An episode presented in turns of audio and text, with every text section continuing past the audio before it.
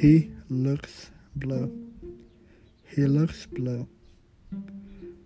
طبعا إذا حرفيا تسمع هذا التعبير راح تعرف أو راح تحس أنه المعنى هو هو يبدو أزرقا.